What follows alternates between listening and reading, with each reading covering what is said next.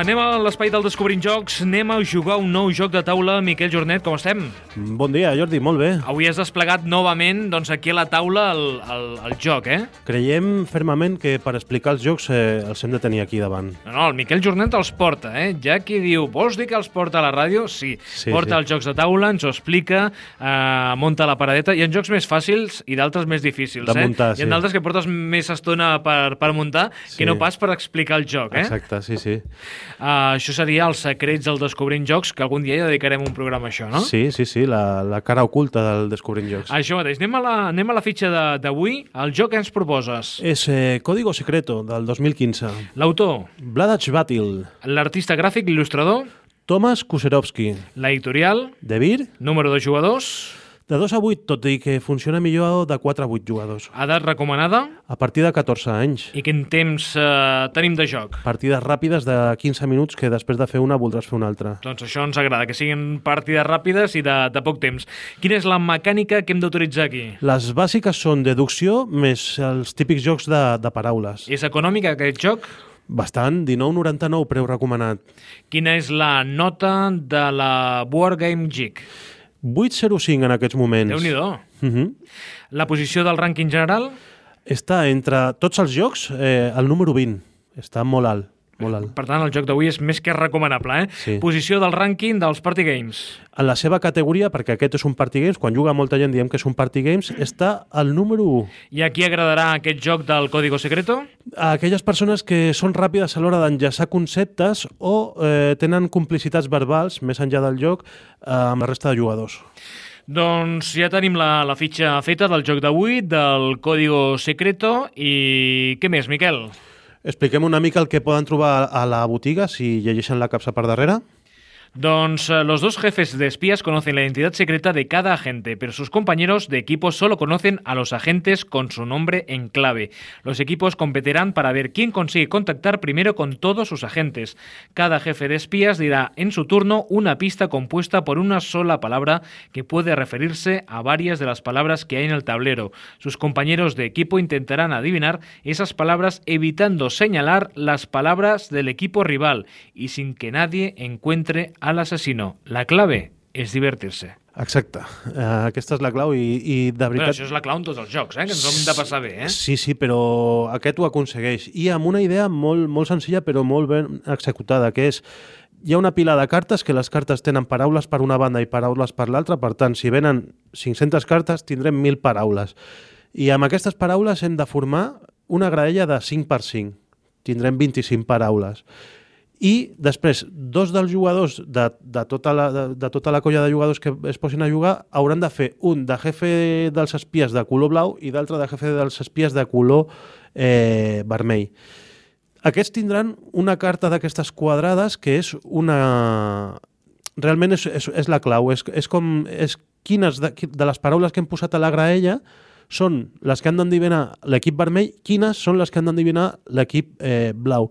Entre elles hi ha algunes de color blanc, que són paraules neutres, i hi ha una que és molt perillosa, que és la de color negre, que és un assassí. Els jefes dels espies han d'anar donant pistes, que les pistes acostumen a ser paraules. Poso un exemple. Jo jugant, eh, una partida, hi havia, hi havia les paraules dins de les que havia d'endevinar el meu equip, que eren l'equip vermell, hi havia Barco i hi havia Venus. I se'm va ocórrer, ràpidament vaig lligar i vaig dir Mecano 2. Has de dir sempre una paraula i un número. Amb Mecano és la paraula que ha d'enllaçar els conceptes amb les altres que hi ha a la graella de 5 per 5. I el 2 vol dir que amb la paraula que he dit abans hi ha dues paraules que enllacen amb aquest concepte. I ràpidament, perquè hi hauria un que també amb la música dels 80 estaria posat o el que sigui, va apuntar amb el dit a Barco i després a Venus. I com vam encertar, les vam tapar amb, els, eh, amb, amb les cartes, amb els cartrons de color vermell que, que eren els nostres. I ja havíem encertat dos. Clar, has de jugar així, perquè has, has d'intentar, sobretot, que fer jugades de que endevinin més d'una paraula, perquè si no l'altre equip normalment t'acostuma a enganxar. I sobretot anar amb molta cura de, que, de no dir la paraula que coincideix amb, amb el color negre, perquè si no perdem automàticament la partida. I està molt xulo perquè eh, els altres jugadors, els del grup, sempre veuen les 25 paraules, però tu saps quines són les bones, quines són les de l'altre equip, i moltes vegades, a vegades dius una pista, però no has caigut que també hi havia una que, que anava molt bé amb una paraula de l'altre equip, i si l'assenyalen, li has de donar a l'altre equip i acabar el teu torn. O sigui, I aquí el que primer encerta les seves és qui guanya i és super divertit perquè moltes vegades hi ha confusions per què has dit això, si no d'allò i el de Barco a Venus a mi em va flipar i, i li va agradar molt a, també a, a l'altre noi que va encertar perquè diu, sí, sí, és que no podien ser unes altres. Eh? Aquí tenim 25 paraules, tenim guante, rojo, vacío, granada, corazón, sable, limusina, eh, flauta, fantasma i aquí tenim el taulell de, de joc, tenim una... Una representació, petita, una sí. representació. Marcat amb una X seria doncs, l'assassí, Sí? i el que hem d'evitar és encertar aquella paraula. I alhora que, ens, eh, que encertin les nostres i també evitar que donem pistes i que encertin les de l'altre equip i també evitar que encertin les que no són ni d'un equip d'un altre. Però si la caguen, el millor, és, millor que pot passar és que encertin una neutral. Després, el segon millor que pot passar és que encertin una de la- de l'altre equip, que li donen un punt a l'altre equip.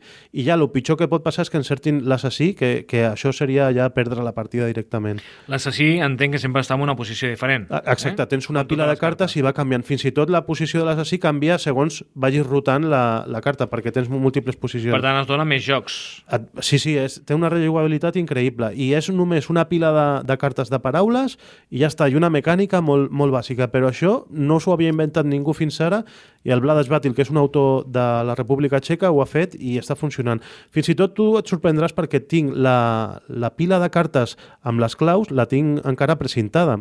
I és que es pot jugar amb una app. Eh, et descarregues una app que es diu Codenames, que és el nom original del, del joc en anglès, i aquesta aplicació al mòbil eh, et fa la funció de, de les cartes de la situació, d'on està l'assassí, d'on estan les cartes de l'equip blau, d'on estan les cartes de l'equip eh, vermell. I funciona molt bé perquè té també temporitzador i tal. És una aplicació que ajuda molt a, a, la, a la dinàmica de joc. Abans, Miquel, quan he llegit eh, la contraportada d'aquest joc, eh, no he llegit una a l'inici, que és, també pot ajudar a entendre, ¿no? El jefe de la red de espías dice, fiebre 2, ¿sabréis encontrar las dos palabras relacionadas con fiebre que te harán ganar la partida? Clar, perquè aquí t'està posant un exemple, perquè també es veuen les cartes i aquí clarament Fiebre 2 és per oro i enfermedad. Perquè La fiebre del oro, Exacte, i si estàs una mica mm, així hàbil i, i estàs despert, pues sabràs que, que correspon només a aquestes dues. I a part és una situació de lloc mm, molt... per tant, jo entenc que és molt més fàcil dir fiebre 2 i que tinguem en el taulell oro i enfermedad d'encertar que no lo del mecano 2, eh? Sí, sí, però, per tant, aquí és però imagina't que... molta habilitat, Però eh? imagina't que també estigués en joc la paraula hospital. Què, què triaries? Or, malaltia, hospital també entra... Clar, si dius enfermedad, tu agafaries directament hospital i enfermedad. Per tant, hauríem de buscar una altra paraula per, per tal de trobar-ho, no? Sí, sí, sí. I aquí, aquí està la gràcia. Agrada molt jugar com a, com a director dels espies, més que gairebé de, de l'altra banda. Però, bueno, vas tornant perquè les partides són molt ràpides, juga una vegada. Aquest és el típic joc que a vegades ens l'hem portat amb la colla d'amics i fem, vinga, eh, xicos contra xiques, i, i, fem, i a veure aquí hi ha pique, però garantitzat, i està molt bé. Doncs el joc del Código Secreto, joc recomanable en el dia d'avui, a més un joc eh, econòmic, 19,99, una molt bona nota a la Board Game Geeks, eh, 8,05, posició del rànquing general 20. I de Party Games el número 1, o sigui que està per sobre de Time's Up, de, de, de Dixits, que també es, es considera Party Game, o sigui que, que és un joc que, que acaba de sortir i, ja, i està despuntant. I un amic diu, això realment és que és molt senzill, és una graella d'Excel, eh, perquè és una gralla de, de 5x5 i si tu tens les paraules i les fiques dins d'un Excel et, ja pots tenir el joc sense la necessitat de les cartes. I aquí ha el nostre dubte ja, que és un dubte ja de dissenyadors de jocs, que és eh, les paraules aquestes estan triades? Tenen algun sentit aquesta tria? O pots agafar paraules d'un diccionari i ficar-les dins d'una gralla d'Excel de 5x5 i jugar? amb aquestes paraules. Jo crec que sí que tenen un sentit, que estan triades perquè algunes eh, siguin eh, una mica ambivalents, no? I, I, bueno, aquí està la gràcia. Doncs aquest és el joc que recomanem en el dia d'avui. Tenim música. Sí, estava tentat de portar una música d'espies, però també, com he explicat l'anècdota de, de Mecano 2, pues posarem una cançó de, de Mecano d'aquella època, la de Barco a Venus. Ara sona. Aquí està.